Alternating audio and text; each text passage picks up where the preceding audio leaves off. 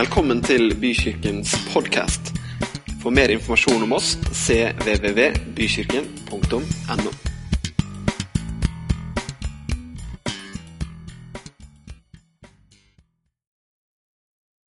Skal vi ikke be sammen først? Jeg takker deg, himmelske Far, for at du lever. Takker deg, himmelske Far, for at du sitter på tronen også i dag, 19. april. Takk for at du fortsatt er full av kjærlighet, og takk at du elsker oss som dine barn. Og takk at du vil la oss få kjenne deg bedre. Du vil at vi skal vite hva som er din fullkomne, gode vilje. Og jeg ber om at i dag når vi deler ditt ord, så ber jeg ikke om noe mindre, Herre, enn at ditt ord skal bli levende for den som hører. I Jesu navn. Amen. Forrige søndag så var det et bibelvers som jeg var eh, mye innom, og som ikke har sluppet meg ennå. Og det er det som, Johannes, nei, det er det som Jesus sier i Johannes. Han sier at 'Jeg er veien, sannheten og livet'. Ingen kommer til Faderen uten ved meg. Så jeg har gått og tenkt litt på det verset fram og tilbake og opp og ned. og Det er jo sånn med Guds ord at vi ofte går og grunner på det, eller vi ofte tenker på det. I hvert fall hvis du setter av tid i din travle hverdag til å grunne på Guds ord, så kommer den funksjonen der ganske fort i gang. Og så jeg har tenkt på det der med sannhet. Hva er sannhet? Jesus tilbyr oss sannheten. Noen ganger vet ikke om du har opplevd det, så kan sannheten gjøre litt vondt. Har du opplevd det? Oi, du verden, sånn var det visst, gitt. Men likevel så fører ofte det vonde kanskje til noe godt, fordi at det er jo sannheten som setter oss fri. Det er jo sannheten om hvem Gud er, hvem vi er. Det er jo det vi må bygge på. Hvis ikke så blir vi jo bare som et hus som er bygd på sand. Det snakka vi om forrige søndag også. Og så, og så blir vi ikke stående. Hvis man lever på en illusjon, man lever på en antagelse og ikke sannheten, så blir man ikke stående. Og Noen ganger så tror jeg sannheten kan være det som kanskje mer enn noe annet kan korrigere livene våre og gi livene våre en retning. For det er jo ikke noe vits i å bare stryke med håra hvis man vet at det er den andre retningen som er riktig. Og slapp av, jeg bygger ikke opp til en eller annen sånn tordentale nå. Noen har tenkt at nå kommer det skyts her, vet du, for nå snakker han om sannheten. Eh, ingen planer om å i hvert fall skyte spesielt skarpt. Men jeg kan ikke garantere for hva Guds ord gjør, for Bibelen sier at Guds ord er levende, virksomt, kraftig, skarpere enn noe tveget sverd, og det er evne til å faktisk dømme hjertets tanker og råd. Med andre ord så har Guds ord noe i seg som gjør at det faktisk kan komme helt inn i det innerste av din og min eksistens og fortelle oss sannheten. I dag så sier vi veldig ofte til hverandre når vi gir råd, så sier vi følgende når folk har presentert en situasjon de står oppi, så sier vi, 'Ja, hva sier hjertet ditt?' Noen som har fått det spørsmålet av en god venn? Sagt i aller beste mening? Ja, vi gjør det. Utfordringen er bare at det er ikke alltid hjertet er på linje med sannheten. Bibelen sier veldig tydelig at et hjerte, altså hjertet vårt, kan være falskt. Det kan være svikefullt. Det kan ha ting i seg som ikke er bra. Derfor så sier også Bibelen at Guds ord er skarpere enn noe tveget sverd, sånn at det til og med kan dømme, bedømme hjertets tanker og råd. Med andre ord så finnes det en autoritet som er over hva hjertet vårt sier. Hvis du tenker deg et lite persongalleri av mennesker av ulik type som du kjenner i ditt liv Tenk på fem personer. Tenk på en søt, en snill, en som ikke er så søt og snill, en som er litt ugrei, og en du har krangla med. Du er med på tankeeksperimentet? Alle de menneskene kommer til deg med en eller annen utfordring i livet eller et eller annet veivalg de står overfor. Det er ikke sikkert du hadde sagt 'følg hjertet ditt' til alle de. Hvis du, hvis du visste at han ene der som var en ja, Vi kaller han kranglefant. Da. Det kan jo være overskriften over mange andre ulumskheter. Det er ikke sikkert du hadde tenkt at ja, men hjertet hans er så godt at det er jo bare for han å følge. Er du med på tankegangen? Jeg har bare lyst til å holde fram en sannhet. Hvis du holder fram en autoritet over våre liv. Hjertet vårt preges av omstendighetene. Guds ord, det står fast. Bibelen sier også at selv om hjertet ditt fordømmer deg, for det kan også hjertet gjøre, så er han større enn ditt hjerte, sier Bibelen. Det lærte mamma meg. Det er et av hennes favorittvers. Selv om hjertet ditt til og med, selv om du, og Noen ganger så kan vi være strenge med oss sjøl. Vi kan, vi kan, dømme oss nord og ned. Vi kan være så harde mot oss sjøl noen ganger at det er helt utrolig noen ganger når jeg snakker med folk på tomannshånd, hvordan de trøkker seg sjøl ned og lar hjertet sitt fordømme seg. Men han er større enn hjertet. Fantastisk. Åh, jeg er så glad for Gud, jeg. Jeg syns han er helt rå. Det er så deilig. Når Jesus gikk omkring på jorda, så skjønte vi hvem Gud var. Det står i Bibelen at han er avglansen. Han er bildet. Og han ikke bare var bildet, men han var også den som utførte Guds gjerninger. Det står om Jesus at han gikk omkring og gjorde vel.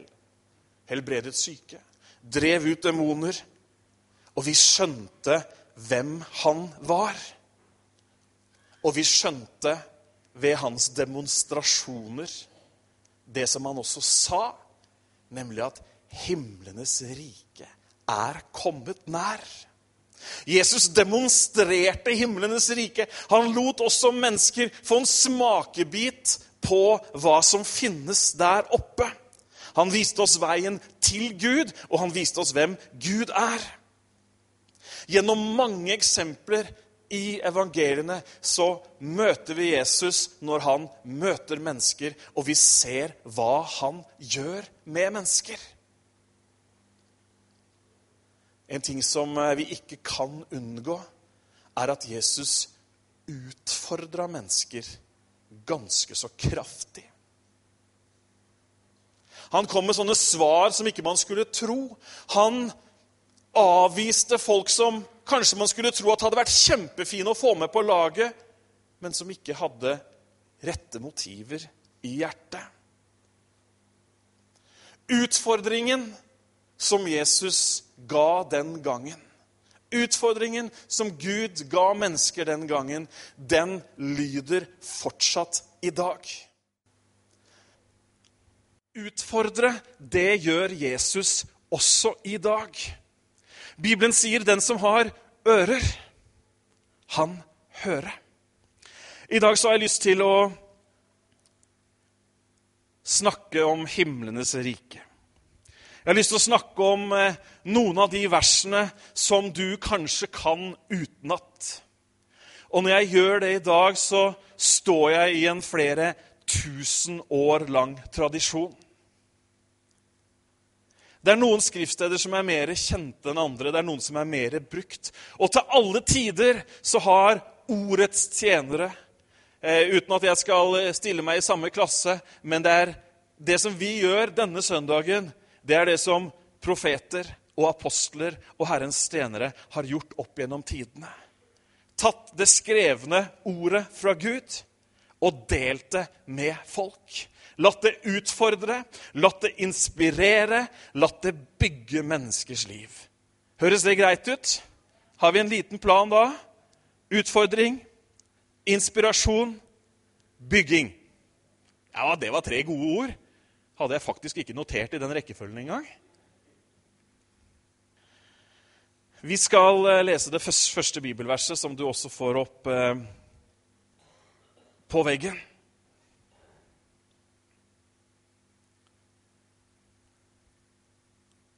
Det er Jesus i Matteus 9 som, eh, Matteus som skriver dette her ned i det niende kapittelet. Står, eh, og det står om Jesus at han lærte i synagogene deres. Han forkynte evangeliet om riket og helbredet alle slags sykdommer og alle slags skrøpeligheter blant folk.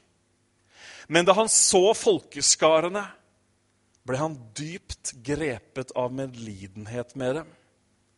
For, han, for de var utmattet og spredd omkring som sauer uten hyrde. Da sa han til disiplene sine.: Høsten er sannelig stor, men arbeiderne få. Så hvis du blar videre, Sebastian, så sier han, be derfor høstens herre å drive arbeidere ut til sin høst. I dag så sier jeg himlenes rike er nær. I dag så sier jeg at dette er budskapet som du og jeg faktisk skal være bærere av til menneskene rundt oss. Ja, men stopp en halv, minutt, Ove. 2015. Vi har holdt på lenge nå. Er det dette vi skal drive med fortsatt? Ja, det er det. Ja, men har vi ikke hatt kristendommen i mange år, da? Jo, kristendommen har vi hatt i mange år. Det har vært mange ulike bevegelser opp gjennom tidene. Og jeg tror ikke alltid at det har vært himmelriket som folk har fått servert. Vi har fått dogmer, vi har fått læresetninger, vi har fått det ene og det andre via konger og politisk makt tredd nedover ørene. Men likevel så lever vi i dag i et samfunn i Norge hvor 2% gjør som deg. Går regelmessig i kirke og bedehus. Det betyr at det er 98% som ikke gjør det. Har du tenkt på det? For en utfordring vi står ovenfor. Etter 1000 år og mer til med kristendommen, så er det da faktisk altså 98% som ikke gjør som oss. Vi tilhører en liten, en liten minoritet. I USA, hvor kristendommen står mye sterkere, der er det i overkant av 40% som går regelmessig i kirke. Vi skal komme litt tilbake til litt interessante tall etter hvert. Når tallene er der hvor de er i dag, så tror jeg at vi gjør rett i å se på hva det var Jesus prekte, og hva det var han ikke prekte. Er du med på tankegangen? Folk har fått nok av lover og bud. Folk har fått nok av påbud. Vet, I Norge det har jo til og med vært kirkeplikt. ikke sant? Og når skoleplikten kom, så kom skoleplikten for at folk skulle lære kristendommen skulle man jo tro at ja, men det må jo, må jo gjøre kristendommen godt at nå må alle. Men det har det da altså ikke gjort i det hele tatt. Snarere tvert imot. Istedenfor å forkynne himlenes rike, en nådig Gud som tilgir synd, og som du kan ha en levende relasjon med, så har det Kirken Og nå tar jeg alle over én kam, jeg er klar over det. Men det Kirken og de kristne i hovedsak har klart å holde fram, er et sett med leveregler som ingen har klart å leve opp etter. Det er en litt generell beskrivelse, men det er allikevel veldig, veldig sant. Når Jesus så de her folka Det er jo nesten som å beskrive samfunnet rundt oss i dag. Gå litt close up på ungdomskulturen. Gå litt close up på, på samfunnsutvikling, og ikke les for mye statistikk. Den, den er, kan være litt dyster på noen ting, hvis, i hvert fall hvis du vil finne det dystre. Når Jesus så folket, hva skjedde med han da?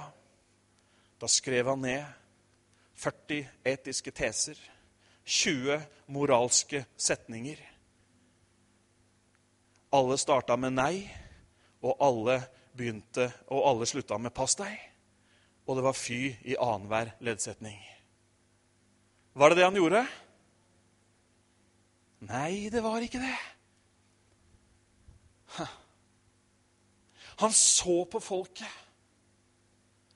Ikke med en bedreviterholdning, men han så på folket. Og så står, det, så står det her at han fikk inderlig medynk. I en engelsk oversettelse så står det at 'he was moved with compassion'. Og så sa han noen må gjøre noe. Noen må gå til disse fårene uten hyrde. En sau uten hyrde eller en sau uten gjerde er ganske så fortapt. Og så sier han det at høsten er moden, men arbeiderne er få. Et annet sted, vi har det også der, i Johannes 4, så sier Jesus noe om denne høsten. Sier ikke dere, ennå er det fire måneder før høsten kommer? Se, jeg sier Løft øynene deres og se på markene. De er allerede hvite til høsten. Hm. Blant Norges 98% Nå tror jeg det er flere enn, 98, flere enn 2% som tror, bare så det er sagt. Men hvis vi holder oss til tallet for kirkegjengere Blant disse enorme folketallene Tror du det er noen som er modne? Tror du det er noen som er eh, klare for å høstes inn, for å bruke Jesus sitt språk her? Er høsten moden? Tror vi, tror du, at høsten er moden? Jeg vokste opp på landet. Vet du hva de gjorde der når de trodde at høsten var moden? Skal ikke dra det bildet veldig langt. Det er ikke et bilde engang, det er en historie. Men de gikk mann av huset. Det var da de sveiva i gang alt som kunne gå på diesel. og onkler og tanter og besteforeldre og, og alt, alt ble satt inn for å få denne høsten i hus. Det hadde vært noe tid med venting. Det hadde vært noen uker hvor det var grønt og det ennå ikke var hvitt eller lysegult. Det spiller ikke noen rolle.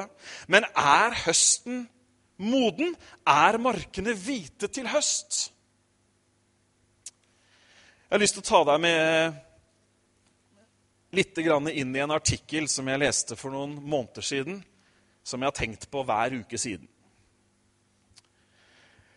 Like før eh, jul det sto sånn 'anbefalt langlesing i julen'.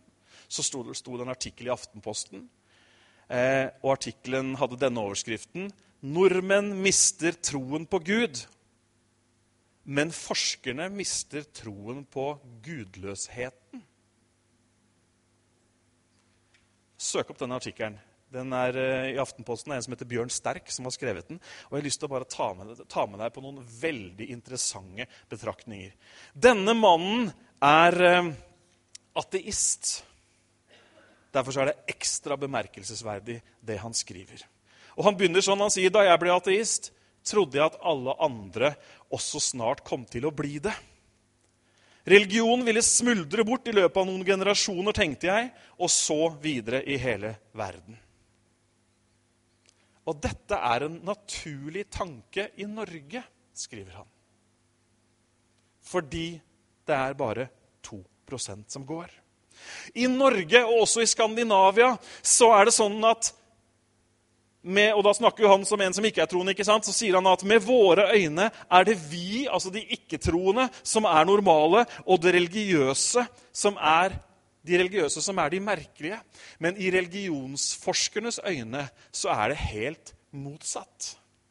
For på samme tid som gudløsheten, sekulariseringen, den har gått langt, og gudløsheten har vokst kraftig i Skandinavia, så går det helt andre veien i store deler av verden. Den pinsekarismatiske vekkelse går kraftig fram på flere kontinenter. Mens i Norge, i Skandinavia, så er det annerledes. Men jeg tror ikke at det kommer til å forbli sånn. Hm. Vi liker jo å tenke at alt var mye bedre før.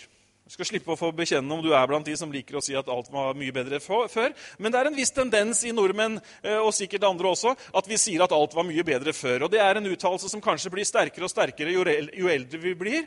Men det er ikke sant at alt var bedre før. Dessuten så sier Bibelen at vi skal ikke si at alt var bedre før. For hvis du sier at alt var bedre før, så er det ikke av visdom at du sier det. Men vi liker allikevel å tro at alt var mye bedre før. Og den gangen hvor alle gikk i kirken, i middelalderen fra, fra, fra fem, år 500 til 1500 ca., da var det bra, for da måtte jo alle gå i kirken, og kristendommen ble innført osv. Sannheten er at det var ikke så mange som gikk i kirken på middelalderen heller. Og de som gikk, vet du hva de ble utsatt for, for å si det sånn? De så en prest som knapt hadde mer enn barneskolepensum i kristendom, stå og mumle på jukselatin og prestenes store frustrasjon vet du hva det var? var at hvis de kom til kjerka, så var det for å drive handel. Og det var en sterk motstand i folket når det ble bestemt at de skulle gå i kirke. Og det var farlig å være prest. I Telemark, en liten time nedi her, så var det, det, var, var det flere prester som var utsatt både for prestedrap og trusler med kniv fordi de representerte en statsmakt som kom med en moralsk tvangstrøye tredd nedover folk. Og nå skal alle tro på dette. Ganske annerledes enn Jesus Kristus, som sier 'Himlenes rike er nær'. Gud tilgir dine synder. Han gir deg et nytt liv. Du blir en ny skapning. Du får tro på Han, og du lever et liv som er oversvømt av Hans nåde og godhet. Hm. De gjorde sitt for at vi skulle gå inn i disse her tvangstrøyene. Pietismen kom, og det ble påbudt, som jeg nevnte i stad, i 1735 skriver Bjørn eh, Sterk, at alle måtte gå i kirken, og det ble påbudt å stå til konfirmasjon. Men dette fungerte dårlig. Bare husk hva jeg sa om prestene. Først med Hans Nilsen Hauge på 1800-tallet så forsøkte noen å bringe den kristne troen inn fra grasrota. Men hva gjorde de med Hans Nilsen Hauge? De bura han inne. Og helt fram til 1842 så var, det, um, så var det ulovlig å forkynne Guds ord uten sogneprestens velsignelse. Bjørn Stark tar oss med inn i et tankeeksperiment. Hvordan hadde det vært hvis Hans Nilsen Hauge hadde gjort det samme i USA? Hadde mest sannsynlig vært en stor bevegelse i dag. Mens i dag så ja, 2% osv. Religionsforskerne de skjønner egentlig ikke hva som skjer. For det som skjer i Skandinavia, det stemmer overhodet ikke med det som skjer på andre kontinenter. Men vi fremholder oss som en kristen nasjon som er tuftet på evangeliet, det syns jeg faktisk er en sannhet som vi må ta med visse modifikasjoner. Og ja, det er en, det er en eh, Hvis du tenker verdier, ja, det er kristne verdier osv. Men mange er vaksinert mot den kristne troen fordi det er noe som er tredd nedover dem. Og det er de menneskene du og jeg skal vinne for Gud. Yes, halleluja! Og det går an, skjønner du. Det er det vi skal snakke om i dag. Det går kjempefint an i 2015, for Jesus sier at det er ikke fire måneder. Det er nå. Vil du høre litt mer av Bjørn Stark sin skrivning? kommer til å bli sånn, Google, til å bli sånn der krasj på Aftenpostens eh, greier når dere kommer hjem. Det, det, er veldig mye spennende her. Jeg har ikke tid til å referere alt, men det er veldig spennende, det som skjer. Egentlig så var altså, Sosiologene de er ikke helt enige om hva versliggjøring eller sekularisering egentlig er. Men det dreier seg om avkristning. Vi hører begrepet brukt støtt og stadig.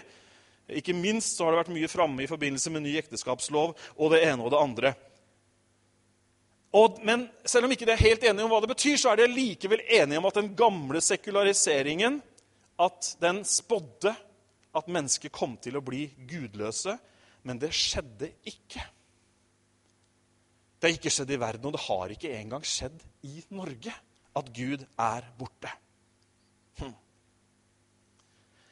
Jeg skal eh, lese noe som han skriver helt på slutten.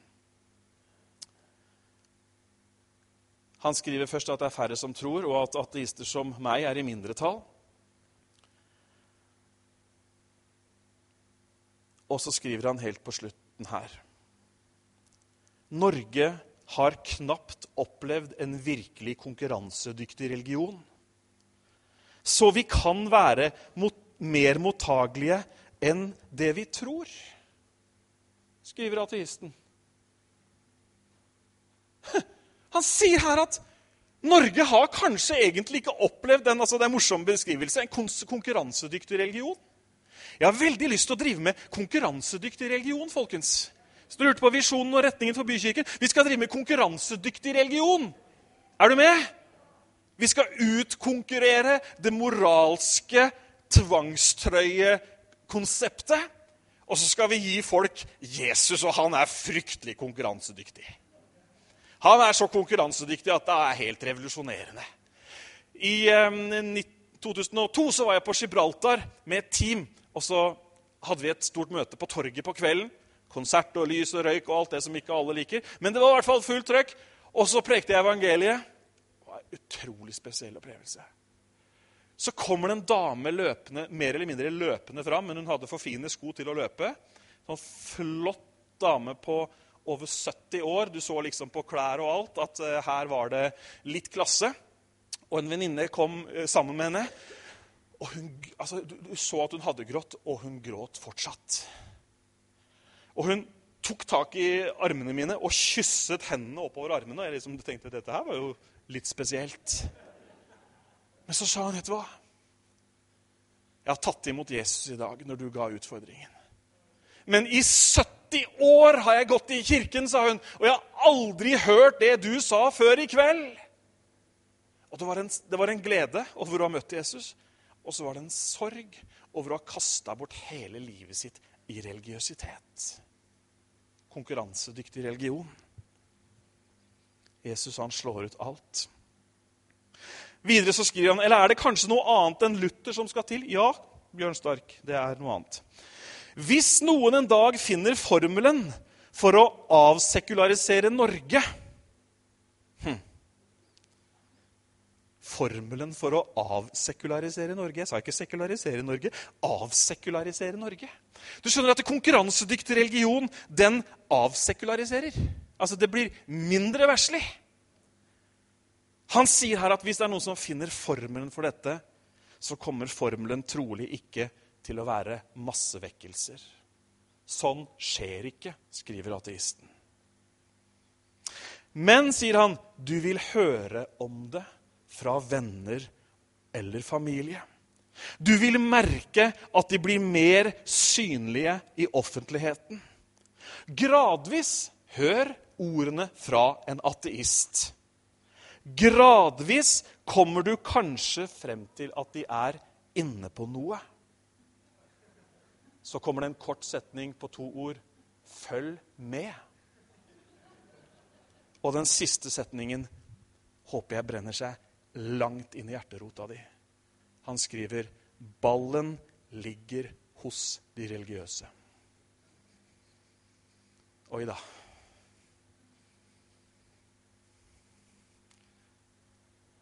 Ballen ligger hos de religiøse, sier Bjørn Sterk. Jesus sa, 'Se, markene er hvite til høst'.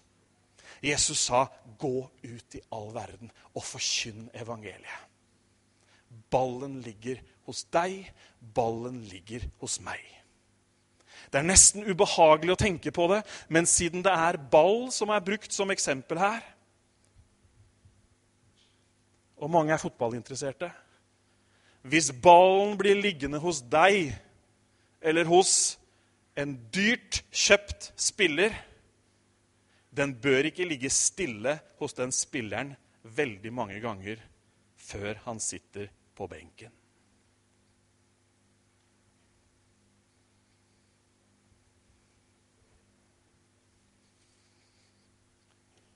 Takk skal du ha, Bjørn Sterk.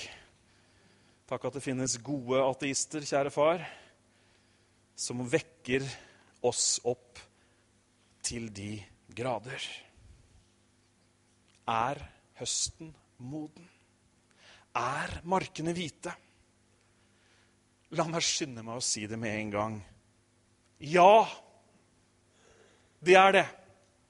Ja, de er modne. Og Noen ganger så har vi misforstått hele begrepsbruken i denne, i denne, delen av Jesu liv. For vi tenker på høst som noe som er veldig begrensa. Og så har folk fra prekestoler og andre de har sagt ja, nå er det vårtid, nå er det såtid, nå er det vinter, og nå er det alt mulig rart som bare har lamma oss troende til å sitte lurt og tro på at det kommer et eller annet rundt et hjørne en eller annen gang. Og det er selvfølgelig en kjempestor vekkelse som skal gjøre at alle i Tønsberg blir frelst på én dag. Da spør jeg etter kapittel og vers for sånne påstander. Er du med på tanken? Jeg er ikke sint, men jeg er litt nidkjær. For jeg syns det er litt tragisk. Fordi at uh, høsten, den er moden nå. Det er hvitt nå. Folk kan ta imot Jesus nå. Folk kan bli helbreda nå. Og vet du hva? Det har vært høsttid helt siden Jesus Kristus nå har vi akkurat feira påske, sto opp igjen fra de døde, beseiret all mørkets makt én gang for alle, sier Bibelen, og har satt seg ved Gud Faders høyre side i himmelen. Fra den dagen av så har det vært høst. Bibelen sier det rett ut og sier i dag er frelsens dag. Nå er Gud å finne. Så det er dumt at ikke de har skrevet 'Så hva venter dere på, dere som venter på et eller annet som skal skje?'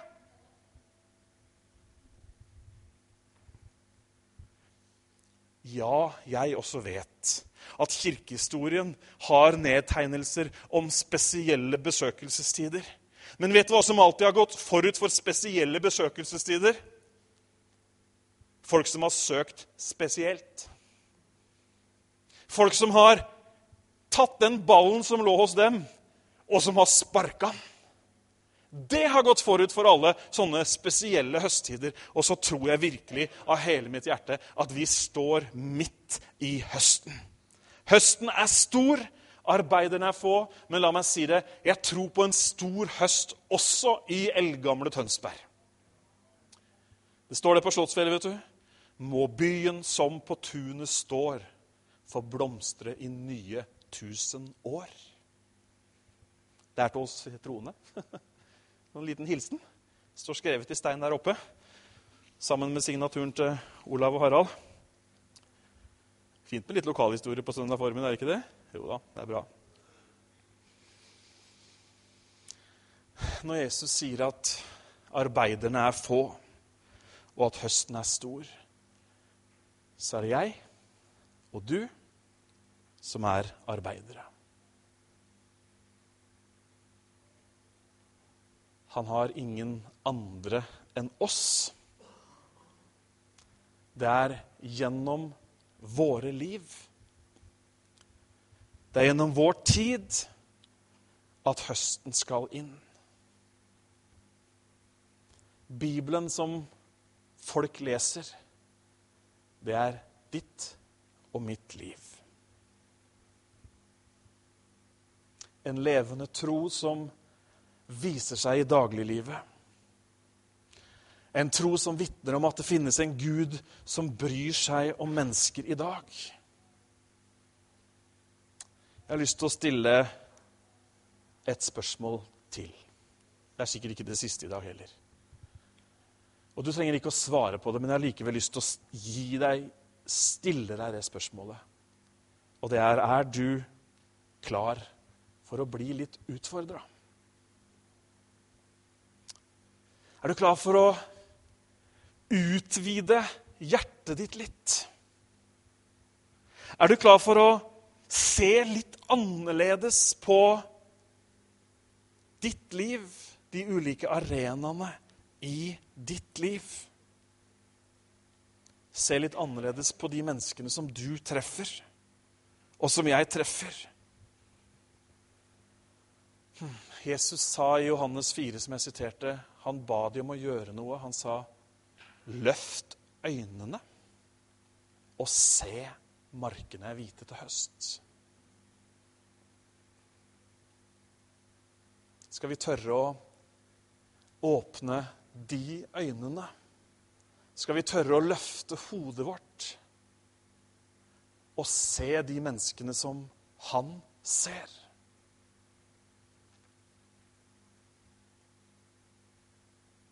De lengter, de andre.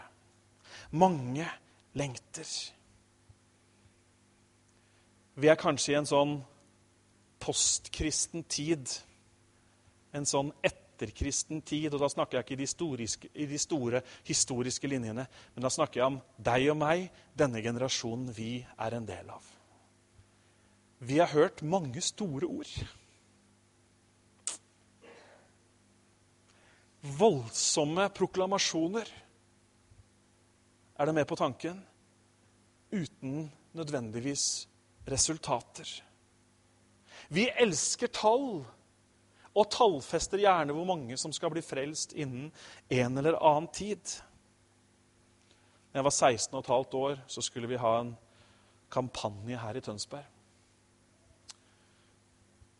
Jeg husker ikke hvem evangelist som skulle komme. Kanskje det var Bjørnar Heimstad. Spiller ingen rolle. I hvert fall så var det få arbeidere. Det har jeg skjønt i ettertid. Det må ha vært vanvittig få arbeidere. For det var jeg som via en annen som kunne bitte lite grann på datamaskin Husk, det her var en annen tidsalder. Det var jeg som fikk i oppdrag å lage en plakat. Og der sto det med store, fete typer. Tønsberg skal bli frelst. Og jeg brukte mange timer på mopeden den uka og satte opp plakater, også der hvor ikke det var lov til å sette opp plakater. Det var, det var, positivt. Først plutselig fikk menigheten kontakt med næringslivet. Det var mange butikkledere som eh, kontaktet menighetens ubetjente kontor for å fortelle at uh, det sto faktisk et oppslag om at ikke det var lov til å sette plakater. Faktisk så var det etter den runden min at det begynte å komme sånne små skilt. Ingen oppslag. Ei herlig dame 16-åringer som tar litt av. Gutta bak der, 16, 17, 18, de kjører ikke moped engang lenger. vet du. Vet ikke hva som skjer, jeg. Ikke slår dem opp plakater heller. Men de gjør veldig mye annet bra.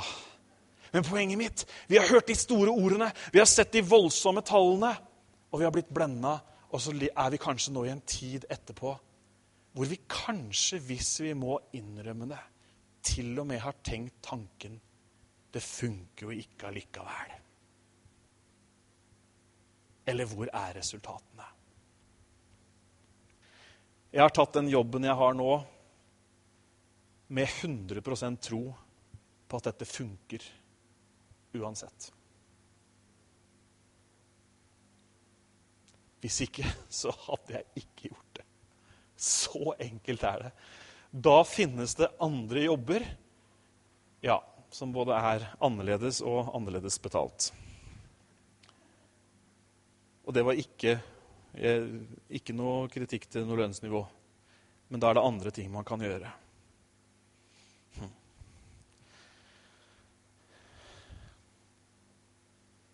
Kanskje vi skal eh, sammen se om ikke det nytter allikevel? Skal vi gjøre det? Jeg har lyst til at du skal få hilse litt på en person, ikke så mye person, men du skal få hilse på noe som han har sagt.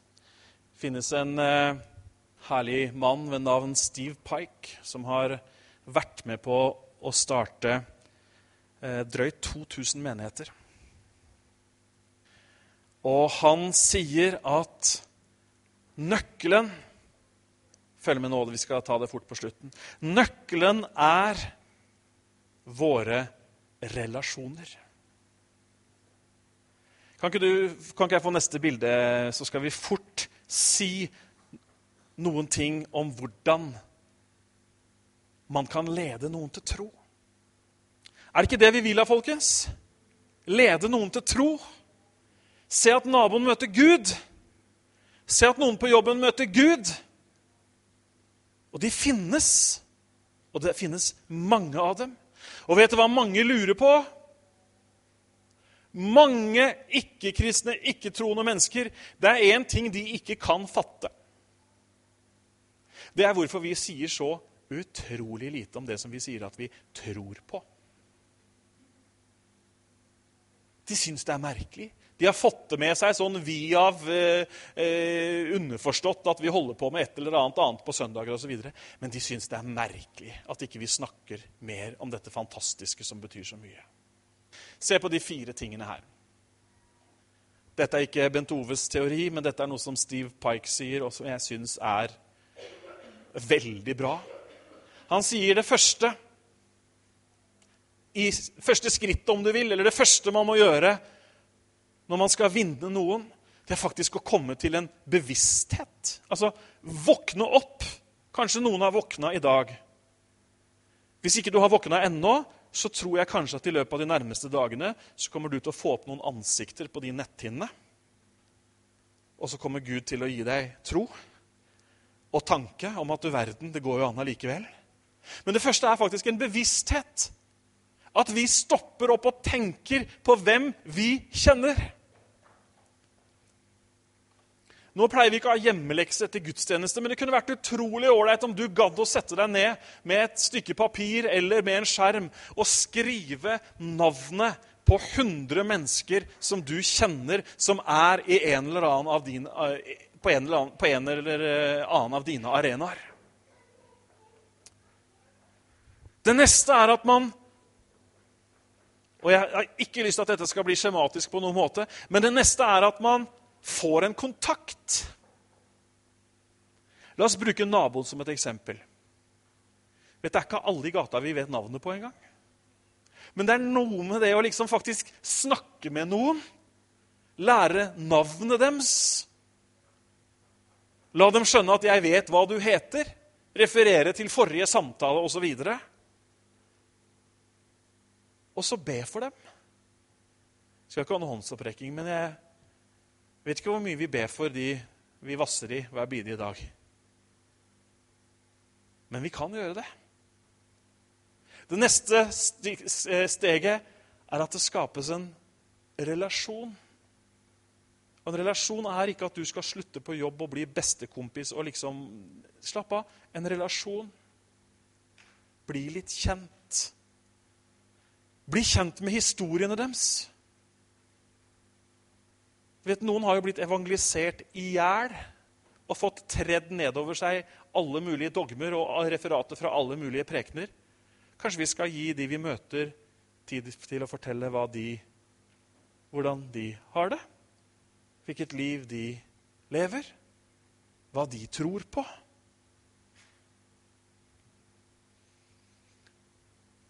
Jeg kjenner historien, og de vet at jeg kjenner historiene. Og jeg ber for dem. Det neste nivået, og her er det jo på et eller annet tidspunkt at noen også tar et valg om å følge Jesus. Det er når de du snakker med, de vet at du kjenner Jesus. Og så vet de ut fra varmen de ser i øynene dine, og ikke minst ordene du snakker, så vet de at du ønsker også at de skal komme til tro at de skal få oppleve det fantastiske som du har opplevd. Og ikke gå rundt og tenk sånn 1, 2, 3, 4, hva var det jeg skulle gjøre nå? og bli helt skrullete. Og, nei, dette er, dette er et liv vi lever. Bibelen sier at vi er brev, kjent og lest. Hm. Er ikke det et utrolig godt uttrykk? Vi er brev, kjent og lest.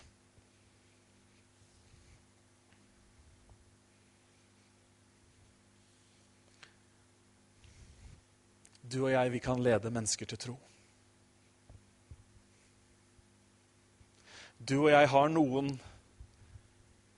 i vår krets og Jeg snakker ikke om folk du har kjent i 100 år, men de også. Og så går vi og venter på den rette anledningen. Jesus venta ikke på den rette anledningen. Han så folket. Matteus 9. Så stopper vi der vet du hvor vi stoppa nå. Be høstens herre å drive ut arbeiderne for arbeiderne. Vet du hva som, du hva som skjer i kapittel 10, vers 1? Så gikk de. Herlig. Så sendte han dem ut. To og to. Makt til å drive ut onde ånder, helbrede syke. Sendte de ut. Han sa heller ikke 'vent på den rette anledningen og gå deretter ut i hele verden' og forkynne evangeliet. Er det ålreit at vi snakker sånn som vi gjør nå? Vi må snakke sånn som vi gjør nå. For vi kan jo ikke sitte eh, og være salige i vår tro uten at det får et utløp. Det er snakk om menneskers evighet. Det er snakk om menneskers evighet. Så har vi livets brød. Så har vi verdens lys. Så har vi Han som har makt og myndighet til å føre de ut av mørket og inn i lyset. Så kjenner vi Han som har bundet den sterke en gang for alle, og som kan sette mennesker fri. Istedenfor å vente på den rette anledningen, så har jeg lyst til å komme med et spørsmål du kan stille. Vil du høre det?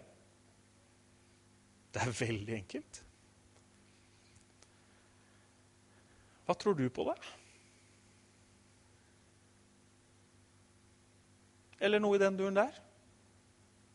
Hva, tenk, hva tenker du om det her? Støtt og stadig så er vi i dagligtale inne på hva skal man si, religiøse temaer. Vi er inne på et eller annet man har lest i avisa, eller et eller annet som har skjedd, eller det er jul, eller det er påske. Anledningene er jo mange. Hva tenker du om det, da? Så kan det være den første fine samtalen, og kanskje det eneste du gjør da, er å høre. Vet du hva du kommer til å høre? Du kommer til å høre at noen bekjenner sin tro for første gang til sin egen og kanskje din også store overraskelse. Det er mange skaptroende der ute. Det er mange som har noe i seg. Spør hva de er interessert i. Spør om deres historie. Hm.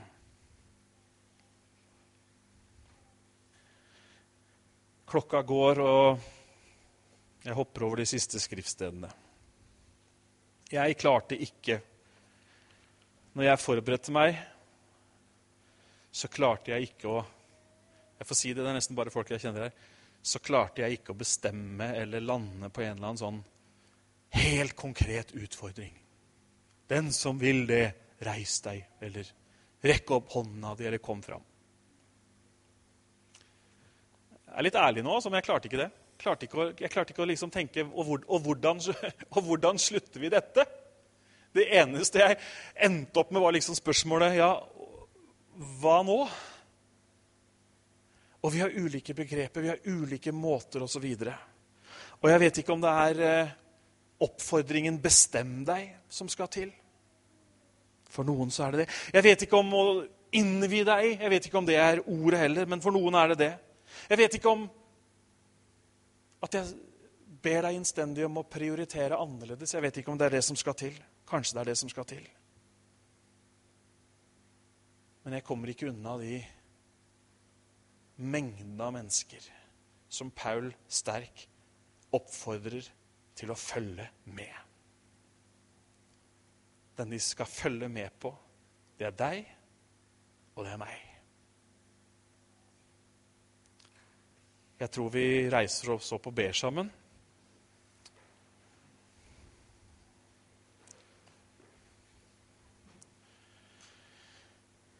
Jesus sier i Matteus 7 at det finnes en klok bygningsmann, og så finnes det en som ikke er klok. Den kloke kjennetegnes ved at han hører og gjør det Jesus ber om, utfordrer til.